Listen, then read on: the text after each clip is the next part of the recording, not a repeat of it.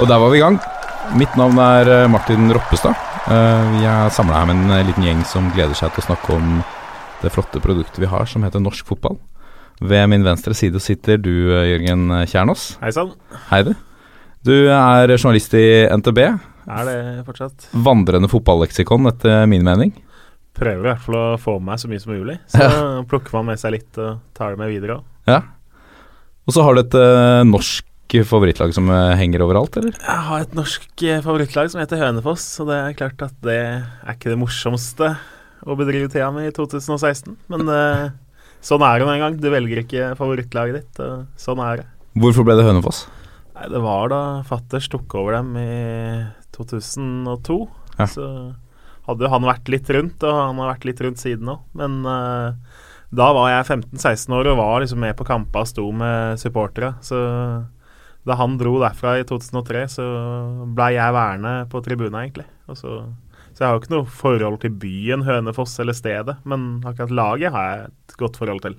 Er du fortsatt mye på kamper? Følger du de nå i tøffe tider? Ja, nå som familiefar så er det ikke så ofte man tar seg tida til å reise til Hønefoss på lørdager som det det var før. Men eh, det er jo så flott at du får sett eh, alle matcha på nett i år. Så bruker nå i hvert fall lørdagen på å se dem, om jeg ikke alltid er til stede.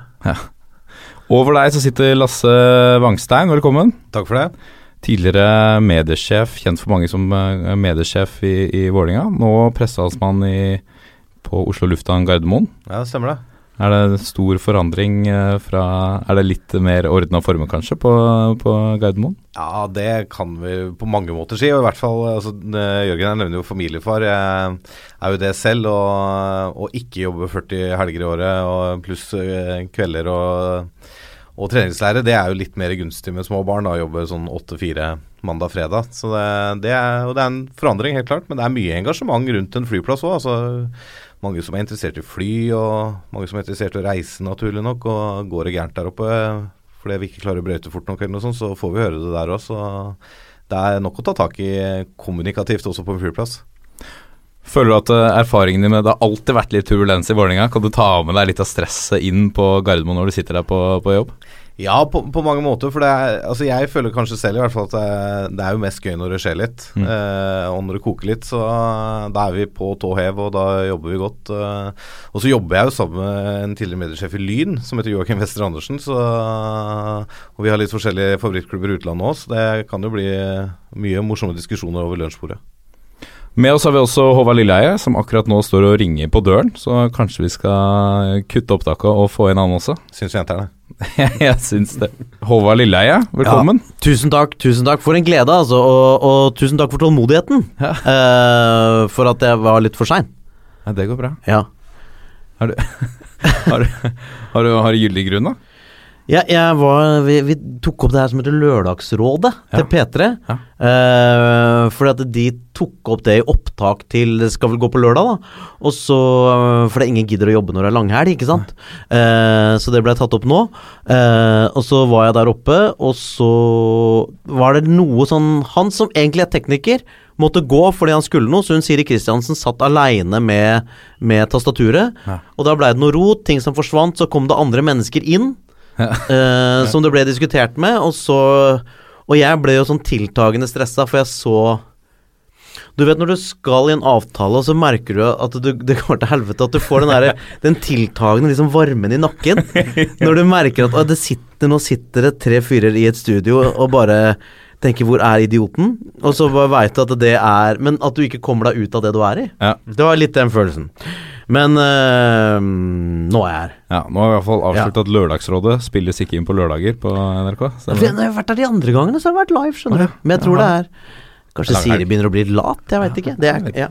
Men du prioriterer altså det foran oss, det er jo greit å vite sånn til I senere. er jo altså foreløpig Ja. har jo Lørdagsrådet en, en, et, et noe større navn i folks generelle bevissthet enn en podkasten her. ja, greit. Ja.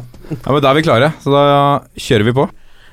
La oss ha det gøy. Og da må vi der, Nå har vi det gøy. Og da må vi begynne med Nå skal vi ta pulsen, ta litt nyhetsrunden. Hva er det som rører seg i norsk fotball?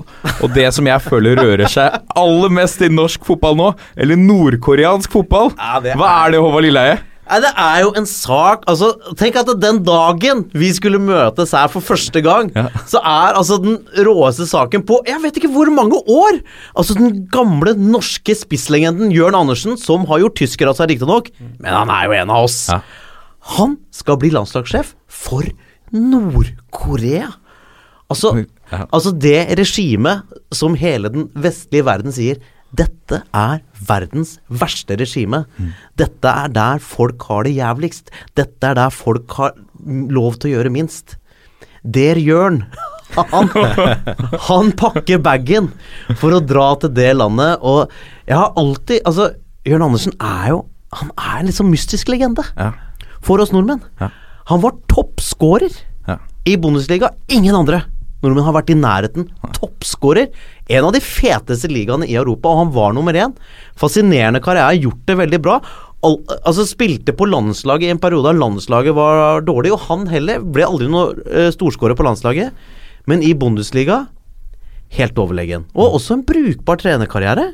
Mm. Han har jo hatt flere klubber der og tatt noen opp til Bundesliga og Før vi går videre, så har du fått med deg Ja. eh, dokumentarfilmskaper Tommy Gulliksen på telefon. Ja, for jeg, jeg, jeg kjenner jo han Tommy Gulliksen, som er en veldig flink eh, dokumentarist. Og han, han driver og jobber med en ganske sånn bredt, en svær eh, dokumentar som han lager om Nord-Korea. Så han har vært der. Eh, så jeg har lyst til å høre hans take på hvordan det vil være for Jørn Andersen å komme dit og jobbe. Det syns jeg er spennende. Det jeg sier, Tommy, er at vi eh, har deg med oss fordi du er en av eh, Norges eh, fremste dokumentarister. Takk for det. Og at du jobber jo med en dokumentar om Nord-Korea, så du har jo vært der ganske nylig. Det stemmer. Ja, og så, Jeg vet ikke om du har fått med deg den store nyheten i dag, at uh, den norsk, gamle norske fotballegenden Jørn Andersen tar over det nordkoreanske landslaget. Det har jeg fått med meg. Ja, Så, så, så det jeg lurer på Altså, du uh, er jo så til de grader det fremste jeg vet opp om en fyr som virkelig Altså, som veit litt hvordan dette er på innsida. Hva, hva er det som venter Jørn i Nord-Korea? Det er, eh, det er nok et eventyr som er enda eh, villere enn det Drillo opplevde da han eh, tok over Irak. Eh, fordi eh, Nord-Korea er eh, Nord-Korea er altoppslukende. Eh, og når du reiser inn dit, så, så må du på en måte godta en pakke. Eh, Hva er det han må godta? Altså, du, du har, har jo uttrykket 'when in Rome, do as the Romans'. Og så kan du gange det med en million når du er i Nord-Korea. For alt det du trodde om deg sjøl, og alt det du Alt det du tenkte på forhånd at eh, det er greit og det er ikke greit, og så langt går integriteten min. Altså Det blir pusha veldig langt, da. Eh, og du føler deg jo veldig på bortebane. Eh, og du forandrer deg. og Sånn sett så er det veldig slitsomt og intensivt å være der. For at du er hele tida i en sånn kontinuerlig prosess hvor du må vurdere hva som skjer rundt deg, og hva som er krevd av deg, og hva som er greit for deg.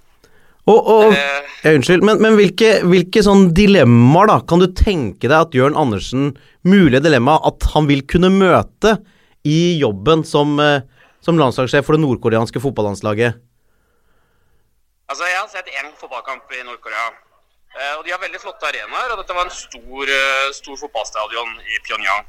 Eh, og Der er det det er ingen tvil om hvem som er stjerna når Nord-Korea spiller landskamp. Det er Kim Jong-un.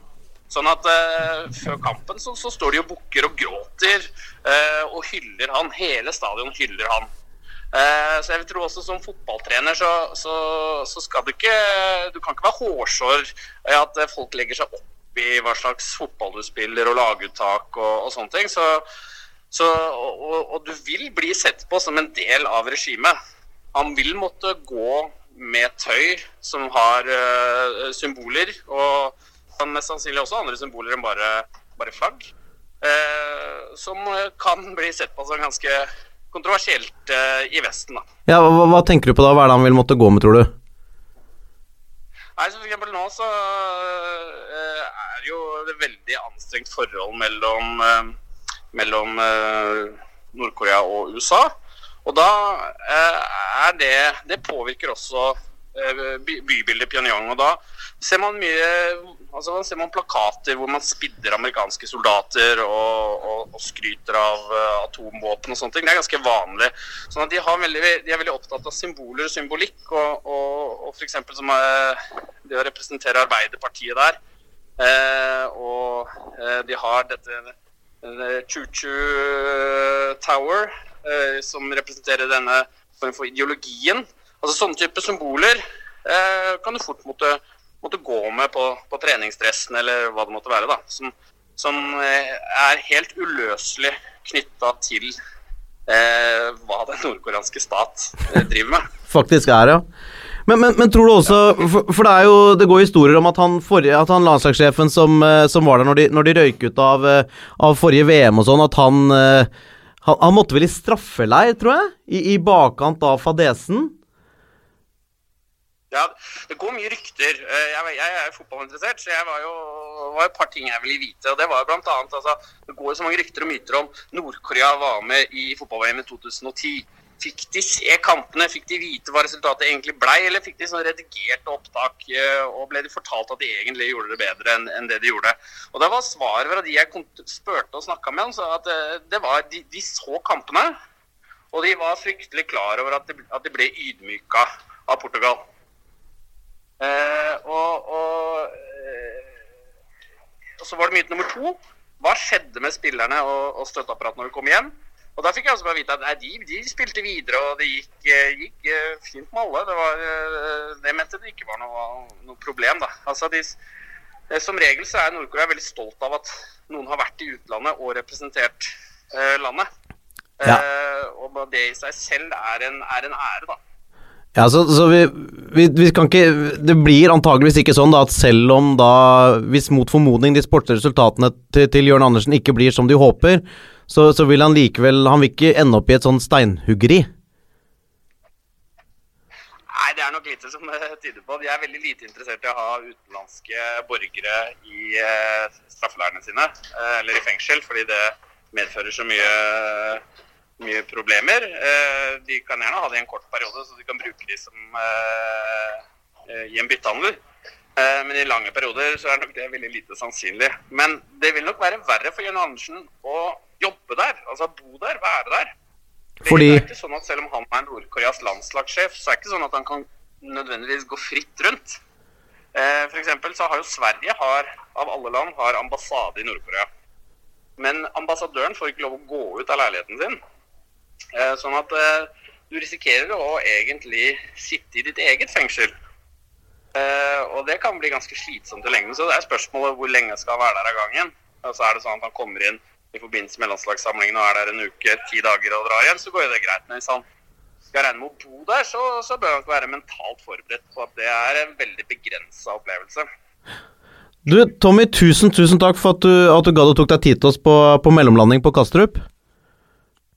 Ja, Det var bare hyggelig. Du, det var veldig hyggelig av deg. Jeg, si at jeg har jo veldig troa på Nord-Korea. da. Det er eh, som en idrettsnasjon. Og, og, og, jeg er veldig spent på hva Jørn Andersen kan eh, få, få til med dem. fordi eh, overalt i det landet jeg har reist eh, i hvert fall halve landet på langs, så er det fotballbaner. Overalt på alle skoler. Fotball og basket. Så, så med litt sånn eh, norsk-tysk disiplin, så, så, tror jeg de vil, eh, vi vil se dem i VM igjen. Tror du, tror du på en kvartfinale for Nord-Korea i neste VM? Ja, nå ligger det litt dårlig an for å komme til 2018. Eh, Men eh, ja. fire år etter der, så, så, så kan, vi, da kan vi nok eh, se, eh, se Nord-Korea få reise ut i verden og eh, demonstrere sin single-hearted, uh, unified uh, ideologi. Og hvis det noensinne skjer, tror du da Jørn får stå sammen med Kim og vinke til folket? Det tror jeg nok aldri. Nei. Det er eh, Så, så stor blir det ikke. Så stor blir det ikke, for det er bare én som kan være så stor. Du, tusen, tusen takk skal du ha! Ja. Fortsatt god reise, da. Takk for det. Ha det, Tommy. Ha det, ha det. Ha det. Ha det. Ja, hva, hva, tenker vi om uh, dette nå? Det snakkes om merker. Kan vi se for oss en landslagssjef som går med uh, et amerikansk flagg i brann på, på treningsdressen sin? Er det, er, det, er det, på det nivået? For, altså, sånn som hvis, hvis, Tommy har rett i sine antakelser Man vet jo ikke om uh, hvordan de vil behandle Jørn Andersen når han blir landslagssjef. Nei. Men altså det, Man kan jo anta i et sånt regime, når du jobber for dem, Mm. så tar de deg med hud og hår, da. Det er, det er jo det scenarioet han det er, det er jo det han skisserer her. Det, det høres jo helt, eh, helt vilt ut i det hele tatt å ta jobben, syns jeg da.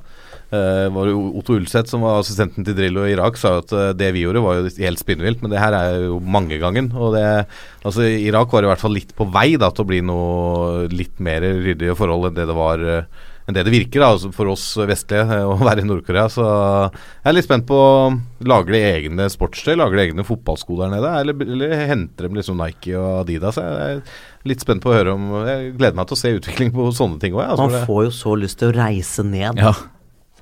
og være med og se hvordan dette er. Får du lyst til å reise ned, Jørgen? Ja, jeg, jeg tipper jo det er noen norske sportsredaksjoner som har sjekka i dag. Ja. Hvordan, hvordan akkrediterer du deg til Nord-Koreas neste landskamp? Det, det er ikke sikkert det er mange hender i været. Stokken i på- VG, vet du, han er på vei. Nei, noen, er, noen drar dit. Det er klart du får et skup, da. Det, Ja, men det er, det er vanskelig å komme seg inn. Altså, det Det er ikke bare å dra dit. Du kan ikke bare dra dit. Det er jo ikke sånn det funker. Du går ikke og banker på døra, nei. Du, du spør fint og håper på det beste. Du skal komme inn der, vel. ja.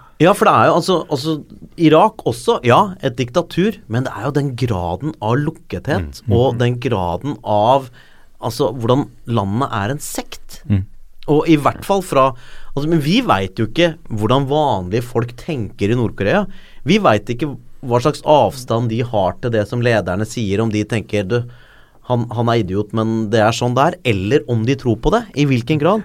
Men vi vet hvordan ledelsen litt er, da. Jeg lurer litt på hvordan Jørn Andersen blir presentert der nede òg, da. Er det liksom O store fotballspiller eh, som kommer fra Bundesliga toppskårer, eller sier det som det er at han Han fikk jo sparken på nivå to i Østerrike for noen måneder siden. Er det det de presenterer i avisen i morgen, liksom? Han, han, han går fra det til landslag, men jeg, Rett og slett. ja, jeg lurer også litt på hva Jørn Andersen tenker, da. Altså, hva er, hva er hans grunn til å ta denne jobben? Ok, han, han blir landslagstrener, det er greit nok. Det, det er kult å være landslagstrener, helt sikkert. Han har sikkert ambisjoner som trener. Men jeg tror jo at Jørn Andersen gjør seg selv utilgjengelig da, for andre trenerjobber i vestlig verden framover. Altså, jeg tror ikke veldig mange norske klubber, i hvert fall, da, siden det er det vi skal snakke om, sånn utgangspunkt her, uh, kommer til å ta i Jørn Andersen. Jeg vet mange i min klubb Vålerenga, uh, altså supportere, har vært kult med Jørn Andersen som eh, trener i Vålerenga. Det er kjempekult, men det er, om det er sånn kjempeaktuelt nå etter å ha vært en liten tur ned og lefla i Nord-Korea, det er jeg usikker på, altså. Men så er det, det er, altså vi, vi snakker veldig mye om nå om, om uh, han, Vi snakker om at han har på en måte tatt et valg i nesten å støtte dette regimet. Vi drar det kanskje litt langt, eller er, er det, burde han ha tenkt gjennom alle disse tingene, eller skal man se på det som et eventyr? Ja, altså, han kan jo se på det som et eventyr, og jeg tipper jo at Jørn Andersen ikke støtter det nordkoreanske regimet.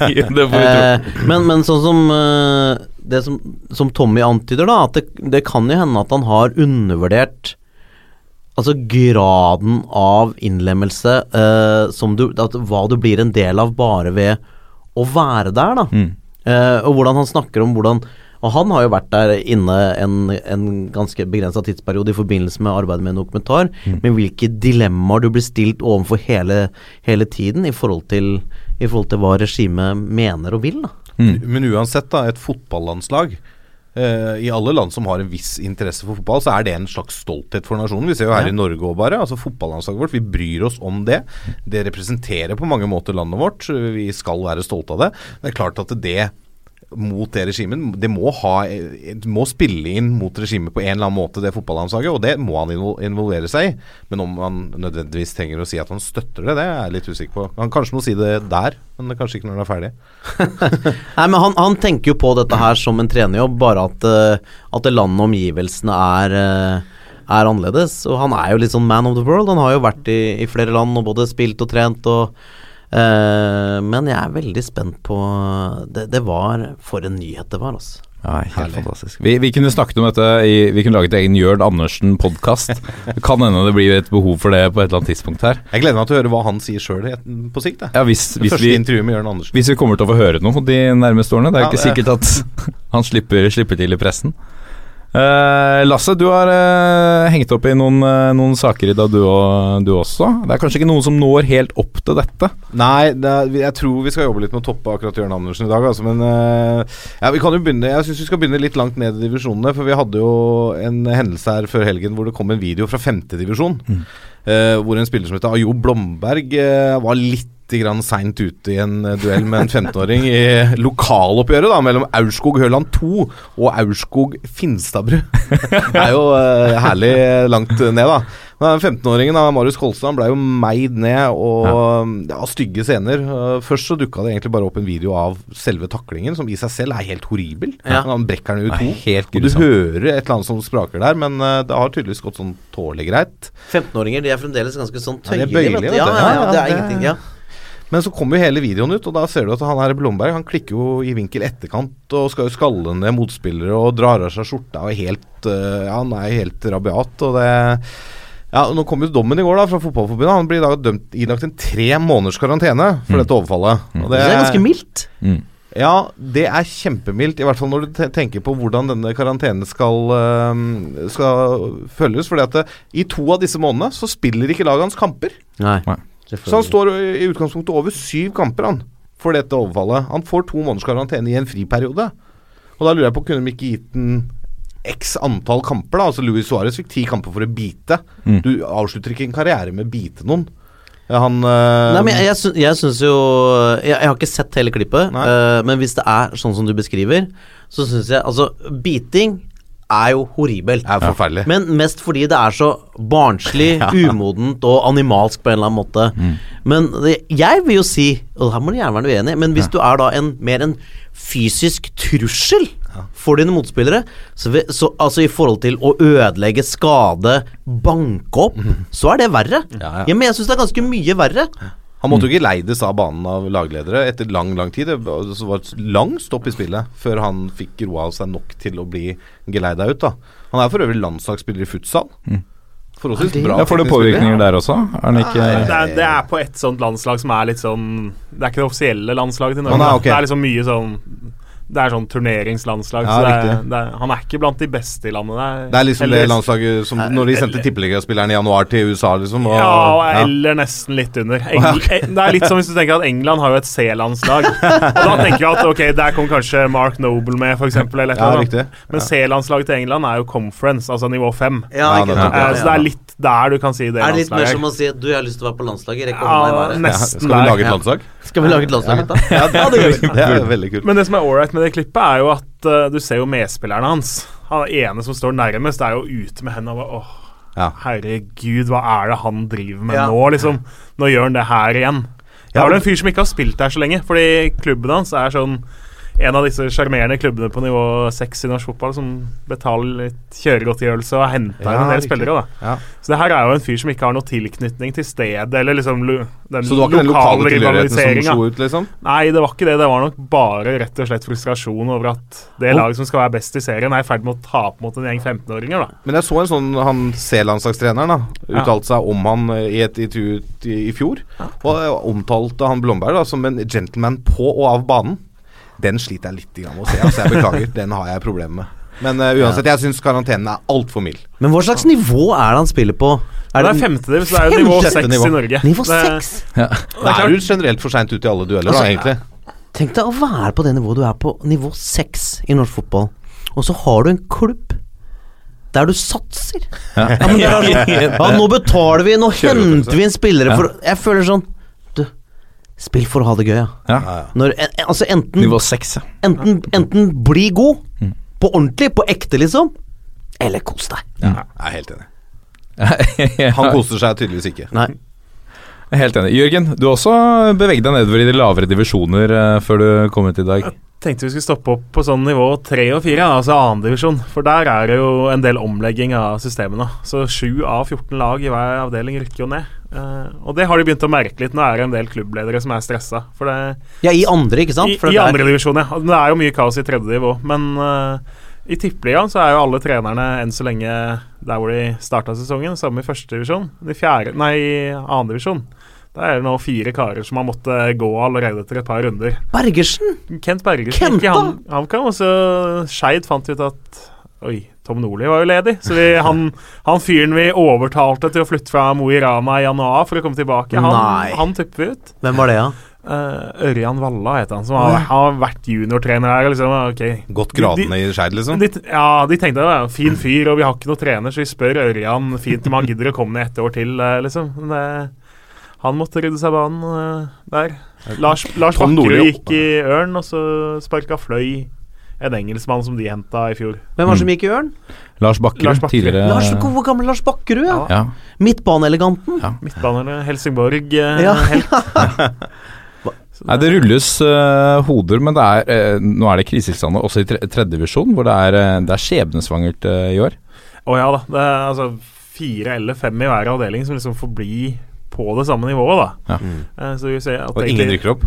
Ingen rykker ordentlig opp. Du går liksom over til Et- sportslig bedre nivå, men du rykker jo ikke opp, for du er fortsatt på nivå fire i norsk fotball ennå. Det er mange bygder Det er i mange bygder så svetter de nå. ja, og så er det mange som kommer til å gå lei utover høsten, når de ser at ok, det er 15 poeng opp til den streken. Vi ligger jo på niendeplass, men det er liksom Det er jo fjerdeplass som er målet. Så Kanskje folk slutter å møte opp til match og sånn, vet du. At de bare det gir opp. til å gjøre. det Du gidder jo ikke dra fem timer i busstur til Valdres hvis laget ditt uansett ikke kan uh, berge plassen, selv om Men tror du for-. Tror du forbundet har tenkt på det, Jørgen?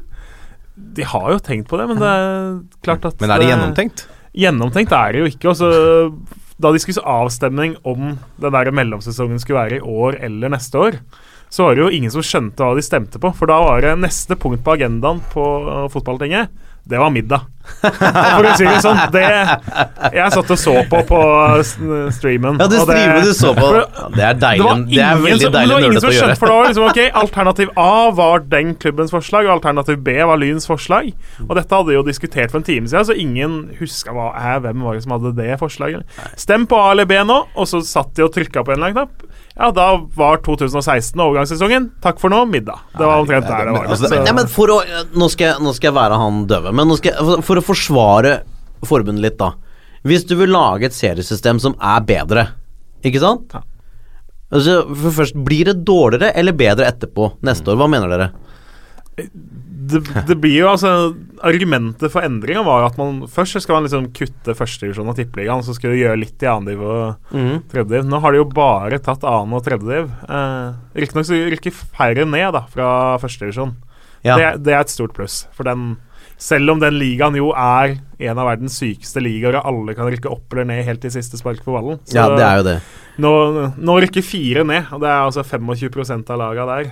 Neste år så er det to ned og én på kvall, og det, det blir bedre der. Men hvis det blir bedre på sikt, da, så, er det jo, så må du jo ta dritten en eller annen gang. Ja, En eller annen gang må du ta det, men eh, ja. Men det er jo sånn for meg, da, som er glad i Vålerenga, og, og Lyn, som er i tredjedivisjon, de kan ikke rykke opp. Jeg syns det er trist, for jeg håper jo at Lyn kommer tilbake på samme nivå som Vålerenga, om det da blir i Tippeligaen eller Obos akkurat nå, sånn som det ser ut nå, da, men Møtes på all veien Vålerenga rykker- ikke ned.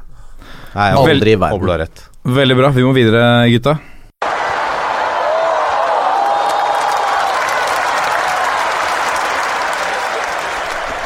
Så skal vi snakke om uh, de gamle gutta. Vi må sette av litt tid når vi snakker om norsk fotball Vi snakker om de gamle gutta. Det var før Martin Ødegaard, det var før Rafik Seknini og alle disse. I dag så har turen kommet til hvem da, Håvard?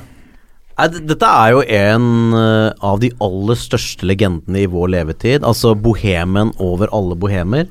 Og det, vi har hatt noen. Altså Det har vært Kvisvik, har vært en slags bohem. Det har vært forskjellig. Men Erik Myggen Mykland Altså Det er noen ganger, kan du si, legenden, myten, ikonet, og det er troverdig. Og det kan du med han. Altså Han har liksom alt det en bohem skal ha. En trøblete klubbkarriere. Litt her og der, noen ganger fantastisk, men så plutselig unåde. Er ikke venner med de, dra videre. Og, og alt det, hva driver han egentlig med? Åssen går det med han? Hvordan er det på privaten? Hva slags forhold har han til Hvordan lever han? Men så, som landslagsspiller, altså i Norges storhetsperiode Altså, det er jo noen matcher der så, som er eh, Altså, hvis du kan regne landslag som eh, noe av det ypperste, da, som er verdensklasse. Altså, det er jo noen glimt og et blikk, da. En måte å lese spillet på, og se det som andre ikke ser.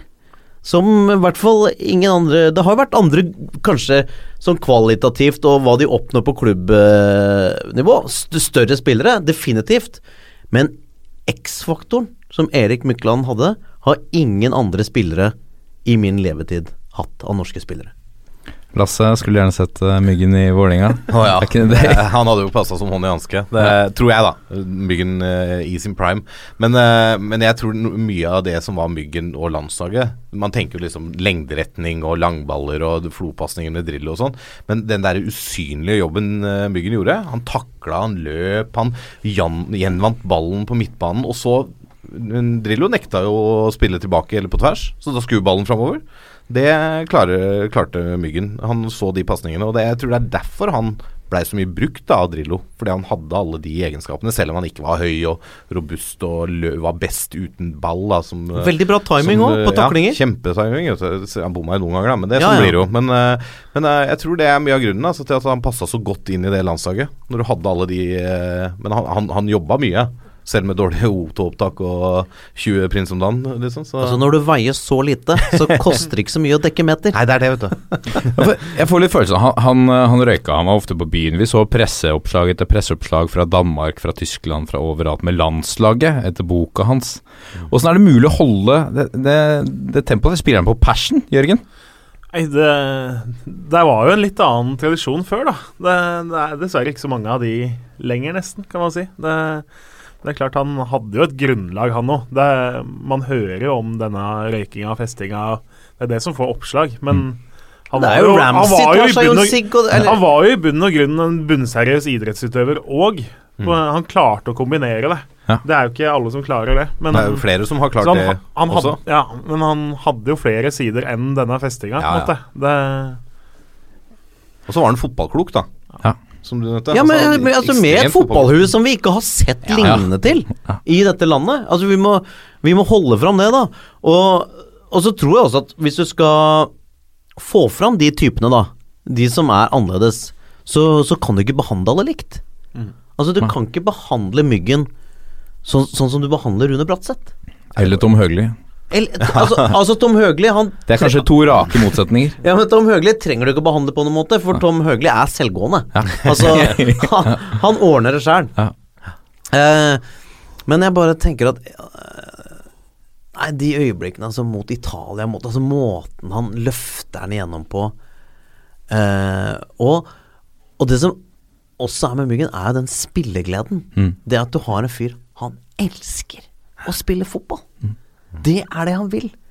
Han har ikke blitt dette her fordi han skal bli populær eller rik eller whatever. Nei, han, han likte jo ikke å være populær. Altså, I 2010 så Og det, var, det her var i dag på nivå 7 i Norge. Lyn i sjette divisjon skulle signere Myggen. Han skulle gjøre comeback i Lyn. Men da, da annullerte han kontrakten. Hvorfor? Fordi det ble så mye medieoppmerksomhet Ja. rundt hans eh, signatur i Lyn. Så det ville han ikke. Og så det, er ikke alle som er skapt for den biten av fotballen. Det, jeg tror ikke Myggen var det. Han sa jo fra seg den der ekspertjobben i TV 2 òg, fordi han, han følte han passa ikke til det. Det all respekt til Myggen, men han, han var jo ikke den tabloide eksperten som skapte overskrifter og diskusjoner. Så Han er ikke en Jesper Mathisen, altså. Nei, han, han merka jo at dette var, var ikke meg, så han Nei. hadde selvinnsikt nok til å faktisk tenke at det Altså, jeg jeg, synes det var fantastisk å se når du sier det med TV 2. Det var fantastisk å se når han var der inne som ekspert. Så stiller alle gutta der i TV 2-uniformen, som er dress og slips, eh, og hår dratt bakover og nybarberte. Så kommer han i olabukse og hvit T-skjorte og står og er Myggen. Det er Jeg syns det er helt fantastisk. Jeg så et sitat som han ga i et Erlik Er Oslo-intervju, at han har aldri hatt noe forhold til den fyren på førstesida. Han har, hatt, eh, han har blitt plastra opp og ned i avisoverskrifter, men aldri hatt noe For han distansert seg fra hele det, og litt kjørt sitt eget løp. Og det kan vi vel trygt si at han eh, har. Uh, er det noen som har noen gode historier eller på, på, på Myggen? Noen noe, noe sterke minner? Du var inne på en Italia-kamp, Håvard, f.eks. Ja, altså, jeg har jo jeg har møtt den noen ganger. Ja. Uh, og, da, og han er en sånn fyr Når du møter Erik Mykland, så tenker du Nå møter jeg det gode mennesket. Mm. Fordi det er et eller annet Han er også, Det er måten han møter deg på, måten han ser deg på. Han er bare en veldig Altså, Myggen har selvfølgelig noen ganger gjort livet litt vanskelig for seg sjøl eh, med valg han har tatt. Jeg skal ikke liksom Det er også en del av helheten. Men, men som liksom en fyr å møte én til én, som ser deg i øya og bare er liksom en god mann Han er Han er en jævla god mann! Det vil jeg si er mitt personlige møte. Han er fin å prate med. Han er, han er smart, han er morsom. Eh, og han kan ta seg en pils. Han er liksom Han er en bra fyr. Jeg møtte han én gang på byen. Da var jeg 18-19 år. Og da hang vi på et sted som het Blue Monk. Fordi de hadde en quizmaskin, og der var det fotballquiz på den. Det var liksom Vi var jo ute for å ha det gøy på andre måter. Og da Ja. møtte vi Myggen der. Eh, ene kompisen min hadde da hytte rett ved en, så han hadde liksom kjent den litt, da. Så vi fikk med oss Myggen bort til quizmaskina og skulle ta fotballquizen med han. Og da kom jo det ene spørsmålet. Hva var kallenavnet til fotballspilleren Erik Mykland? vi, vi fikk riktig, da. For et øyeblikk, for et øyeblikk. Men altså, Erik Mykland, han, han kan signere som myggen på offisielle dokumenter. Eh, min kone er det sant? Ja, ja. Min kone hun eh, i studietiden jobbet eh, for en TV-leverandør og skulle hjem til han og installere da bredbånd og kabel-TV. Og hadde jo da skrevet på liksom, leveringslappen Myggen. da Hun skulle til Myggen, for hun skjønte hvem det her var. Og han kom ut, og han signerte papirene med Myggen. Han hadde for så vidt uh, dekoderen hjemme, samme dekoderen hjemme, han bare ikke skjønte hva han skulle brukes til. Så han fikk dobbelt, men, uh, men han signerte med Myggen. Det var helt, uh, helt greit for eh, TV-leverandør, det, altså. Så, men jeg, jeg personlig husker jo første skåringa hans for, for, mot San Marino i 10-0-kampen. Når han uh, putta han fra 20 cm og dansa innover der. Det er liksom første gang jeg husker at jeg la merke til Myggen. Fantastisk spiller. Og så er det noe deilig over en, en, en fyr som bryr seg litt mindre, som er litt politisk upolitisk korrekt. Og nå, nå får vi uh, Det vi får servert nå, uh, vi har snakka om, det litt tidligere, før sending, da. Det vi får servert nå, er en polert overflate av, Uh, av intervjuer. Du ser det alt fra i, i United og de store klubbene ned til Tippeligaen. Det er eh, Laget kommer uh, foran. Det, var vikt, det viktigste var at laget vant og ikke at jeg skåret. Det, det er liksom ingenting, da. Det er ingenting til oss og ekte fotballfans. Nei, men det er jo øh, jeg, Nå sitter jo jeg kanskje litt på to sider av det bordet der, da. For Ja. nå har jeg liksom jobba med kommunikasjon i fotballklubb. Ja. Uh, men det er en veldig vanskelig balansegang, da. For at det, klubber har lyst til å profesjonalisere seg. Så ser de da til de største klubbene i Europa, i Norge, da, de norske klubbene gjør det. Da er det pressekonferanser, og det er medieforbud nesten, og tjoei. Sånn kan det ikke være i Norge, mener jeg, da. For vi er Det er lokalfotball. altså Selv Tippeligaen er lokalfotball. Det er gutten i gata som spiller, som du nevnte i stad, liksom. Det er kanskje broren til, til naboen liksom, som spiller på venstrevingen der. Men, eh, men allikevel så er det noen ting som du kanskje må gjøre, som profesjonaliserer det.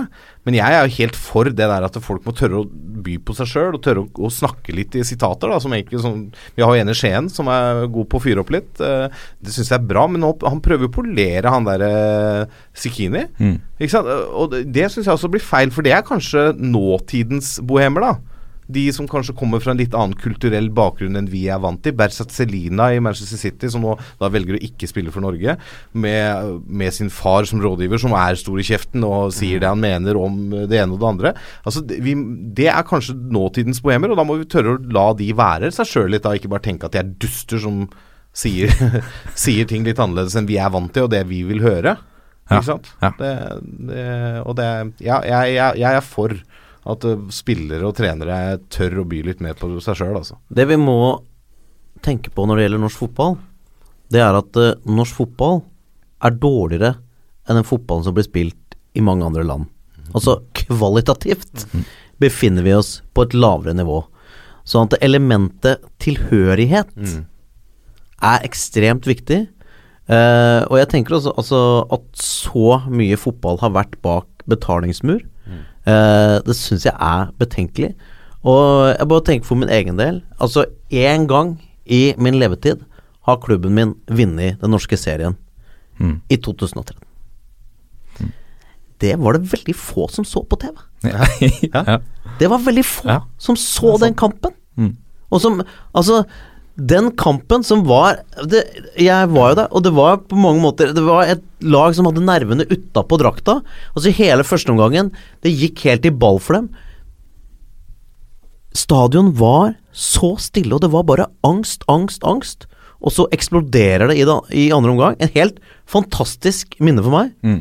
Det ikke, den kampen er ikke en del av det kollektive norske minnet, fordi den er bak betalingsmur.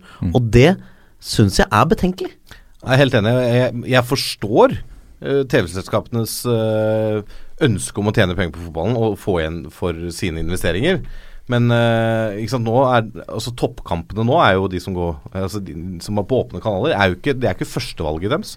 Førstevalget er klokka seks på lørdag. Eh, den kampen du nevner, burde jo gått på åpen kanal. Men de tror kanskje at de skal selge flere abonnement fordi den går på betalingsmur. Men altså, det er siste serierunde.